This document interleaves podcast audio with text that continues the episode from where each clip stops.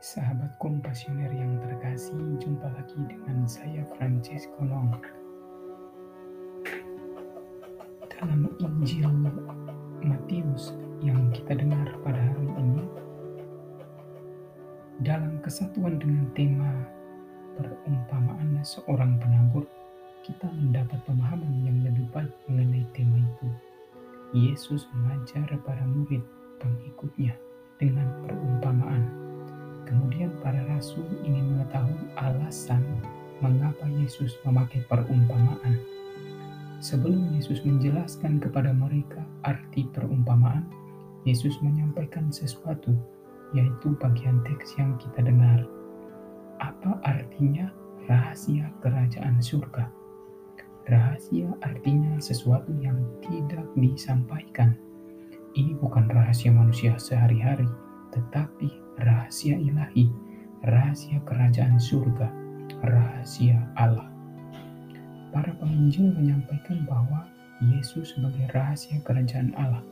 Para pendengar Yesus di mana di masa itu tidak mengerti dan tidak menangkap pesan tersebut. Rahasia itu dibuka kepada para rasul, tidak kepada para pengikut atau orang banyak. Alasan memakai perumpamaan adalah hal penting hanya diberi kepada yang mau dan dapat menerimanya. Para nabi, kata Yesus, justru mau melihat dan mendengar apa yang dilihat dan didengar oleh para rasul dan para murid, tetapi tidak dapat.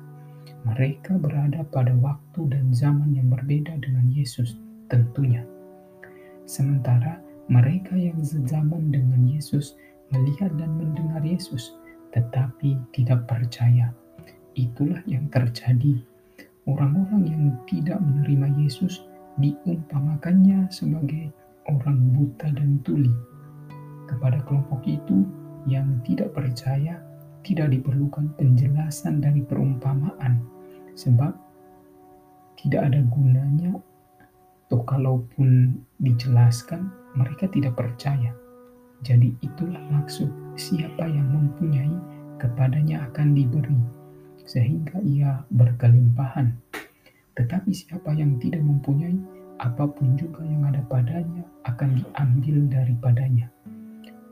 Hanya kepada yang percaya dan menerima Yesus, para rasul dalam konteks saat itu diberi penjelasan dari perumpamaan agar semakin mengerti, menerima, dan percaya kepadanya. Penginjil Matius mengutip Nabi Yesaya karena konteks pendengarnya saat itu adalah kebanyakan orang-orang Yahudi yang kemudian menerima Yesus. Nubuat Nabi meneguhkan apa yang dikatakan Yesus. Meski melihat tetapi tidak melihat, meski mendengar tetapi tidak mendengar. Konteks kutipan itu aslinya memaksudkan Israel yang buta tuli dan tegar hati kepada sabda Allah yang disampaikan oleh sang nabi.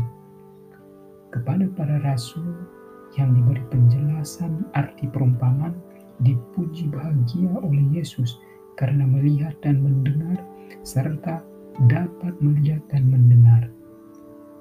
Dapat melihat dan dapat mendengar ialah mereka yang bukan buta dan tuli terhadap apa yang disampaikan oleh Yesus, bukan seperti orang yang mendengar dan melihat, tetapi tidak menerima Yesus.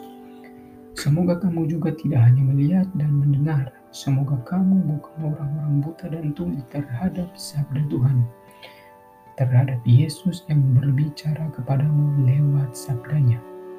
Berbahagialah kamu yang melihat dan dapat melihat. Berbahagialah kamu yang mendengar dan dapat mendengar.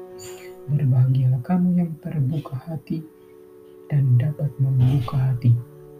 Berbahagialah juga kamu yang tidak melihat dan tidak mendengar, namun percaya kepadanya.